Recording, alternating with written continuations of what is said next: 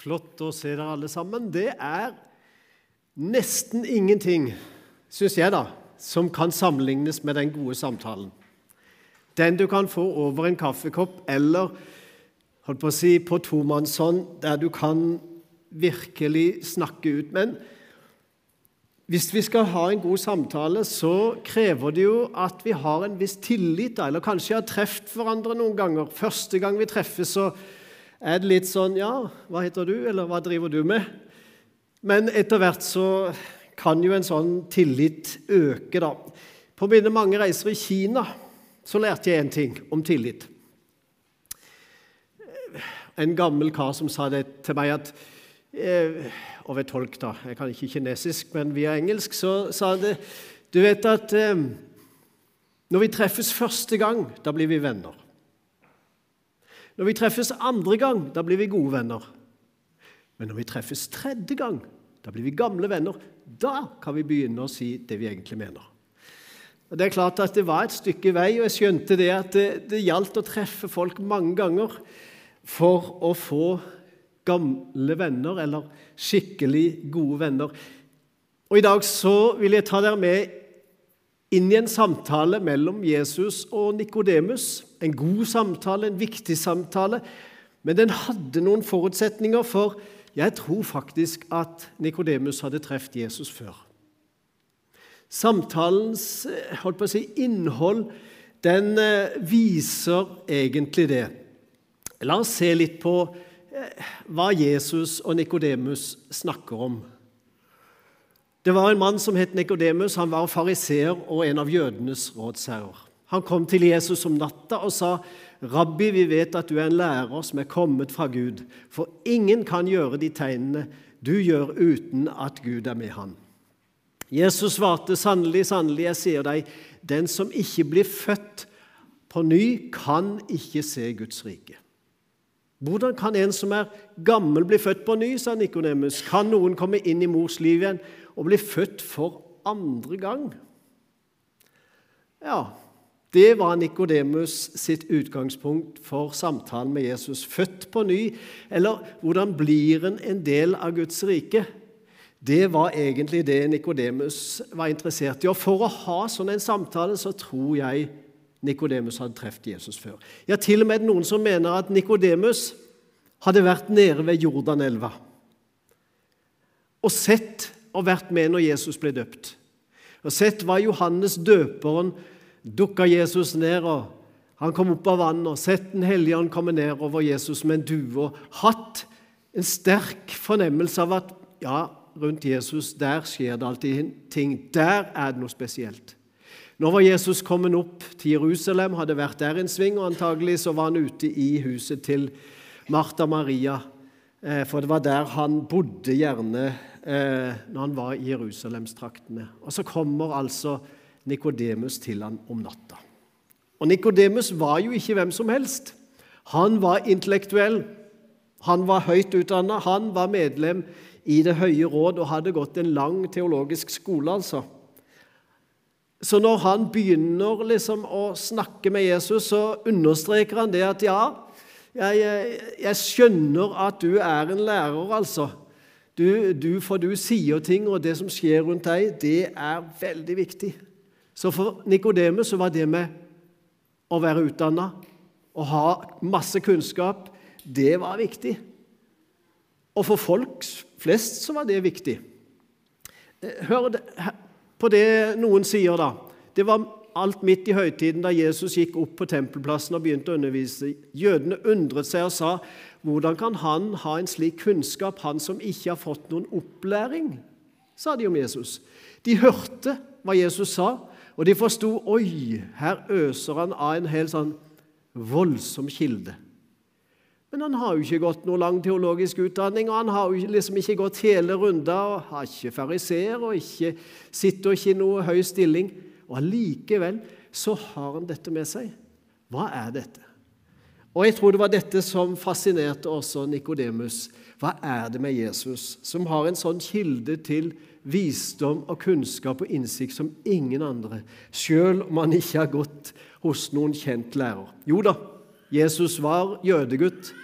Han hadde blitt opplært som alle andre jødegutter. Han kunne salmene, de 150 på rams. Det skulle alle jødegutter kunne etter hvert. altså. De skulle ikke være gamle før de måtte pugge det. Så en viss grunnopplæring, det hadde han. Men en eh, teologisk utdanning hadde han nok ikke. Og jødene generelt sett var helt, eh, helt overraska og lurte på hva som hadde skjedd. Så det med teori, masse kunnskap og teori, du, det har egentlig aldri hjulpet noen helt fram til noe som helst. Det vil si, jeg undervurderer ikke utdanning. Jeg syns det er flott at mange tar utdanning og kommer fram, og det trengs utdanning i et samfunn som vårt. Visst gjør det det. Absolutt. Men eh, for å bli en del av Guds rike trenger en ikke lang utdanning. En trenger bare å skjønne at det får en ikke ved utdanning. Det får en ikke ved høy, høy anseelse eller hva det måtte være. Det frelser ingen. Teori frelser ingen. Kunnskap hjelper ikke vår sjel egentlig til å sette oss i forbindelse med Gud. Det kan bare Gud gjøre sjøl ved Den hellige ånd. Og Jeg tror faktisk at det var Den hellige ånd som hadde begynt å slå sprekker i Nikodemus sitt, eh, sitt tankeliv. Det hadde begynt å sive inn en ny form for kunnskap, en ny form for innsikt hos Nikodemus som han ikke hadde fått på skolebenken. Og Dette ville han ha mer greie på, og derfor møtte han Jesus om natta. Holdt på å si, eh, Sånne nattlige samtaler de bør være viktige, egentlig. Jeg vet ikke om eh, Hvis det banker på døra di en nattetime og sier jeg, 'Jeg vil gjerne prate med deg', da skal det være passe viktig. Eh, hvis det banker på døra mi en sen nattetime, så lurer jeg på hva som har skjedd av ulykker og det ene og det andre. Heldigvis har det ikke skjedd noe enda, Men altså Nikodemus kom til Jesus om natta. Eh, det er ingenting som tyder på at Jesus var noen natterangler så at han var ute til langt på natt. Han satt kanskje rundt leirbålet, ja, det gjorde han nok mange ganger. Men der falt sola sånn en halv sju, seks-halv sju-tida, så det var ikke så rart at det var mørkt før Jesus og disiplene la seg.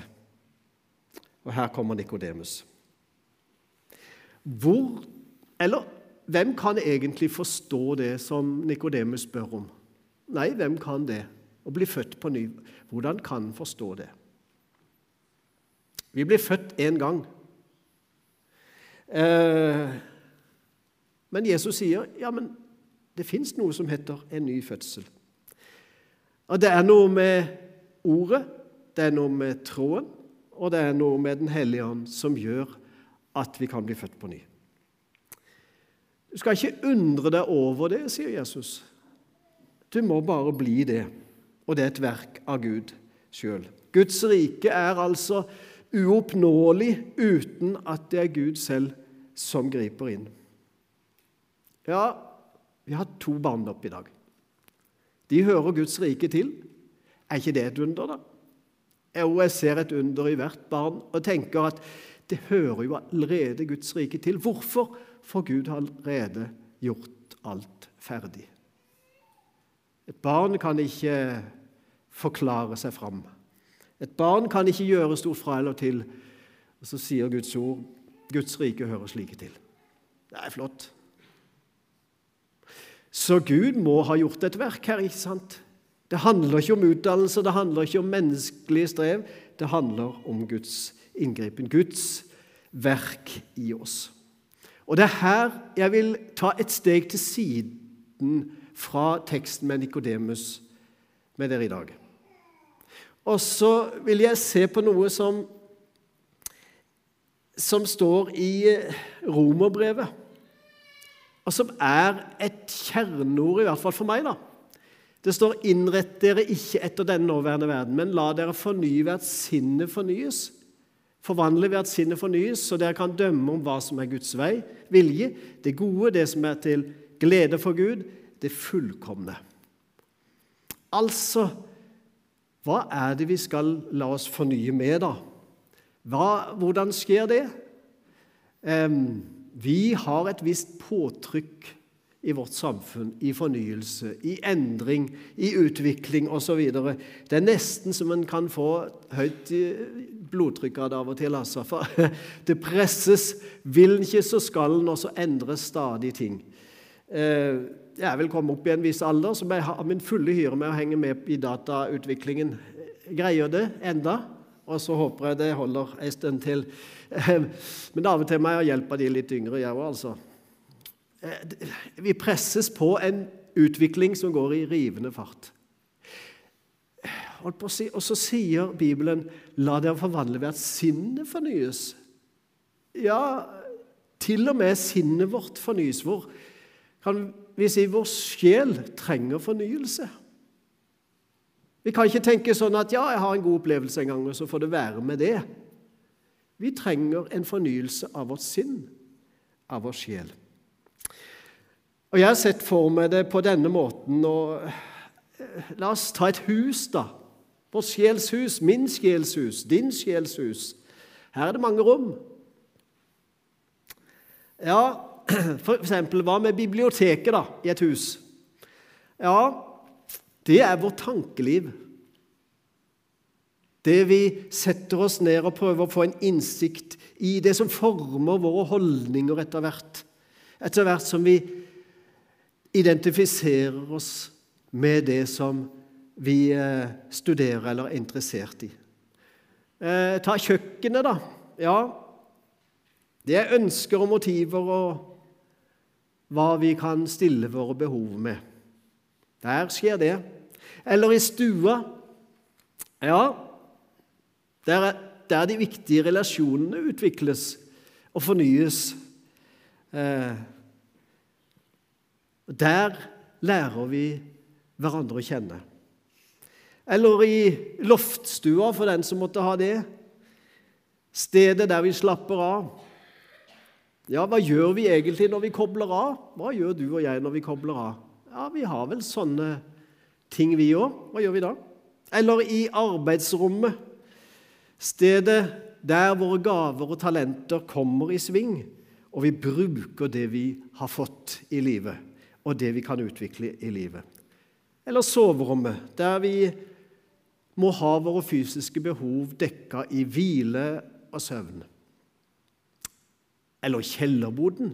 Da begynner det å bli litt sånn det som vanligvis ligger litt i mørket. Ja, hva er det med våre hemmeligheter, da? Hva er det vi skjuler der som vi helst ikke vil vise rotet fram for andre? Hva er det? Hva er det som skaper rot i ditt og mitt, i din og min sjel? Lønnkammer, ja, det er jo sånn et, eh, et spesielt gammelt ord. da. Men kanskje vi kan forstå det som at det er der vi på en måte konsentrerer oss om Gud, da. Hvis vi tror på Han. Der vi ber til Han, eller der vi har vår stille stund, eller der vi gjør våre personlige erfaringer det kan være gledelige erfaringer, men det kan også være stresseerfaringer hvis vi kjenner at vi må prestere noe for Gud, eller vi er ikke gode nok. Der den dårlige samvittigheten kan komme fram, ja, det kan skje også der. Hvis vi ikke har fått tingene på plass i livet. Så det kan være en kilde både til glede og til mismot, det. Og hva med hele vårt sjels hus? Hvordan ser det ut hos deg og meg? Det er et spørsmål som vi av og til bør stille oss. La oss eh, lese det verset en gang til.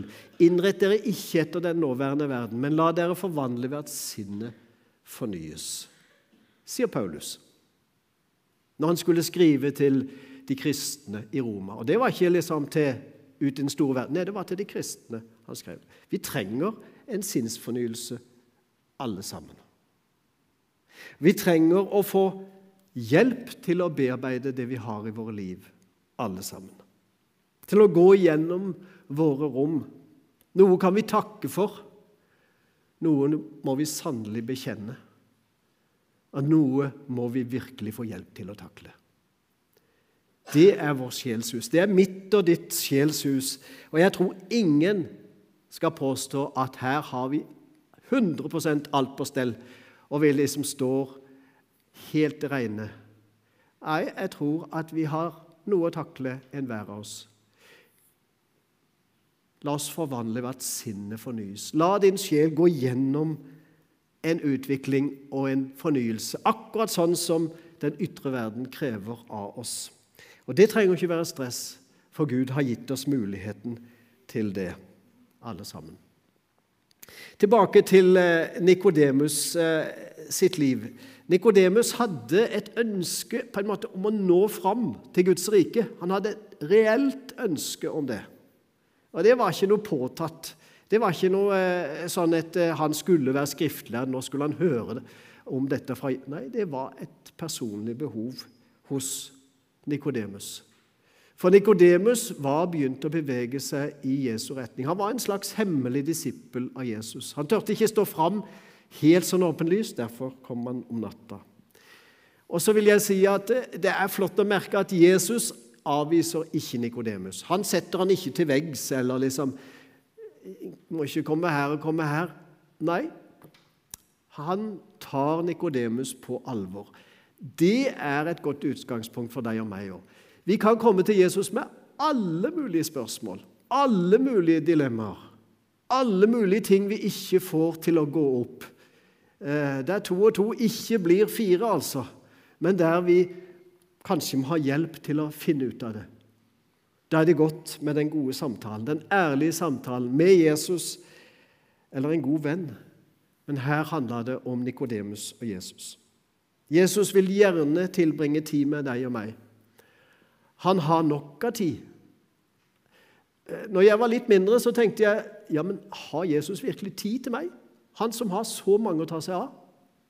Så kikka jeg på noen. Ja, han trenger i hvert fall veldig mye hjelp. Og, og, og hun der han må sikkert bruke tida på heltid. Altså, og så tenkte jeg jeg får stille meg litt lenger bak i køen. Helt til jeg skjønte at det er jo ikke sånn Gud er.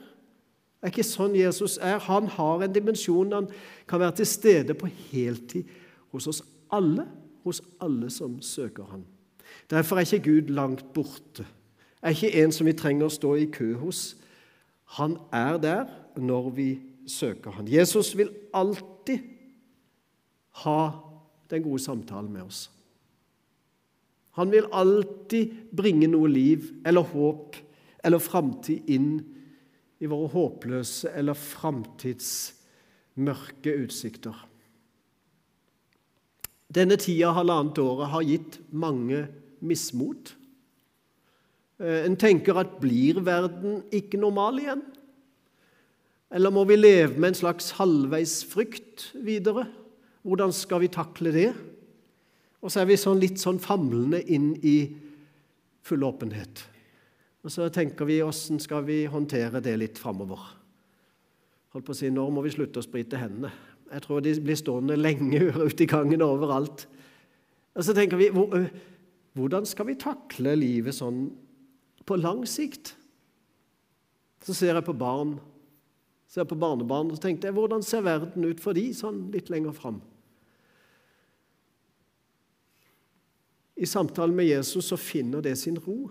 Ikke det at jeg får svar på alle spørsmål, men jeg får en fred til å gi det over av og til i Jesu hender. Det ikke jeg kan gjøre noe med, eller det ikke jeg kan takle, det takler Jesus, og det kan Jesus gjøre noe med.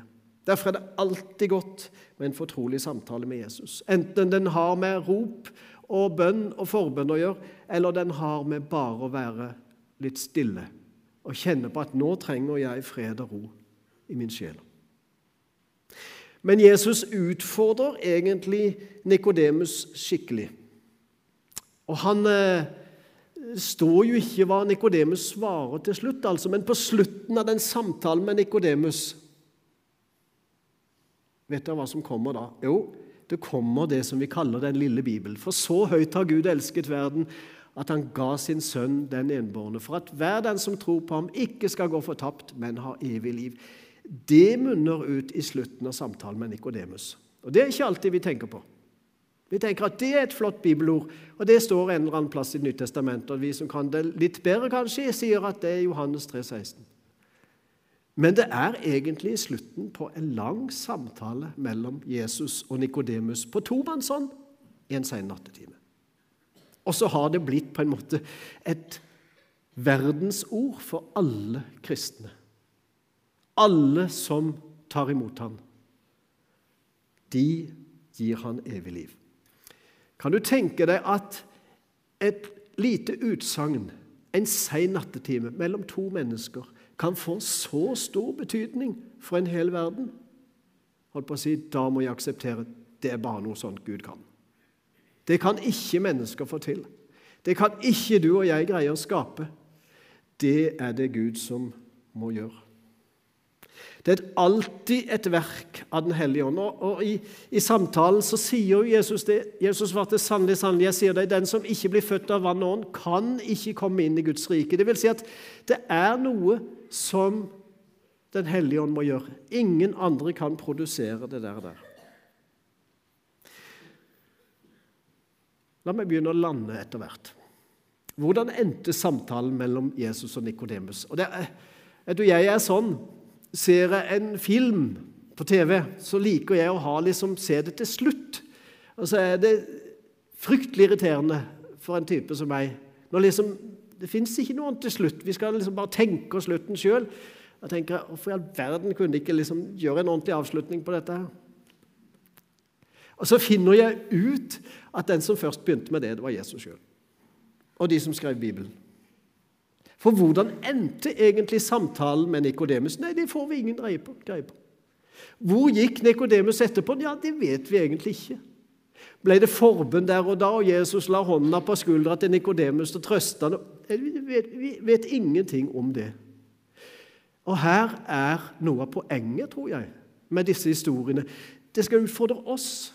Det er jo ikke skreven for at det skal være en god historie én gang, men det er skreven for at du og jeg skal forstå og kunne komme til Jesus, vi òg. Og så er det opp til oss å avslutte historien for vår del. Hvordan gikk det med Nikodemus? Ja, Vi har et par ting med Nikodemus litt seinere i livet som vi kan se sporene av en slik samtale en sen nattetime. Det ene var når Jesus, altså fariseerne og Det høye råd, ble eitrende sinna på Jesus. Og De prøvde å forfølge han og sier at nå må vi ta han og dømme han og fange han. Og så står Nikodemus opp i Det høye rådet og så sier han, ja, men stopp litt, brems litt. Vi, vi kan vel ikke dømme noen uten at han får komme til orde? Uten at han får forsvare seg, uten at vi kan snakke sammen om det? Og Da vender de seg mot Nikodemus. vet du. Da sier de 'Å jaså, er du òg blitt en sånn disippel', eller bare sjekk, du. Det er jo ingen liksom, stor skikkelse som kommer oppe fra Galilea. Det er en av, en av sporene i Nikodemus. Han sto opp for Jesus, han. Midt i det vanskelige. Da stiller jo jeg meg Står jeg opp når Jesus holdt på å si, og Jesus blir angrepen i det store rom? Har jeg ryggrad nok til å stå opp og si at ja, men hvem er vi som kan kritisere ham? Hvem er jeg og deg? Eller lar jeg det passere i stillhet? Enda et hakk lenger ut i, i eh, Nikodemus sitt liv. Det der med når Jesus var død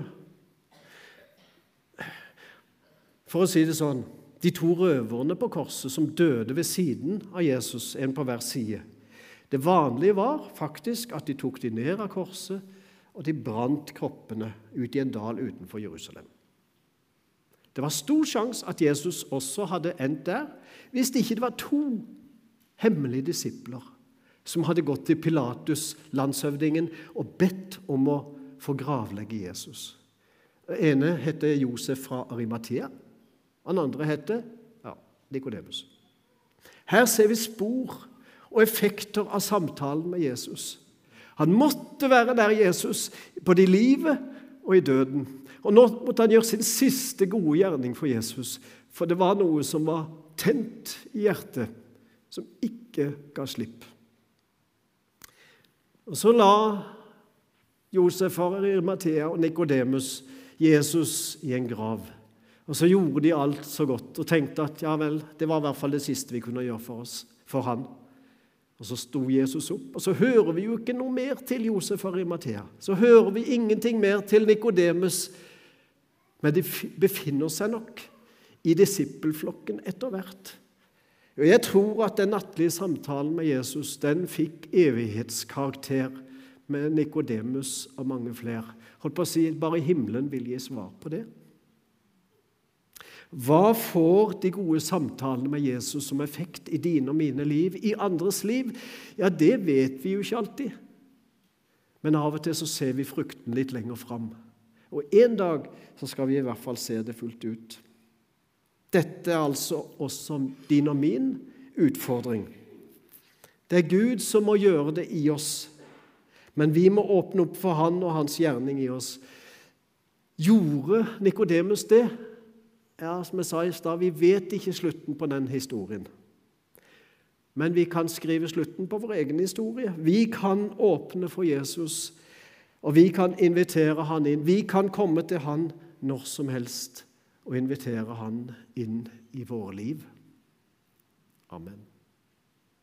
Herre Jesus, takk for at du er med oss. Og takk for at du gjerne hører på oss når vi ber, eller når vi kommer til deg med våre liv. Herre, la det synke inn at samtalen med deg, Herre, det kan få store og evigvarende følger. Amen.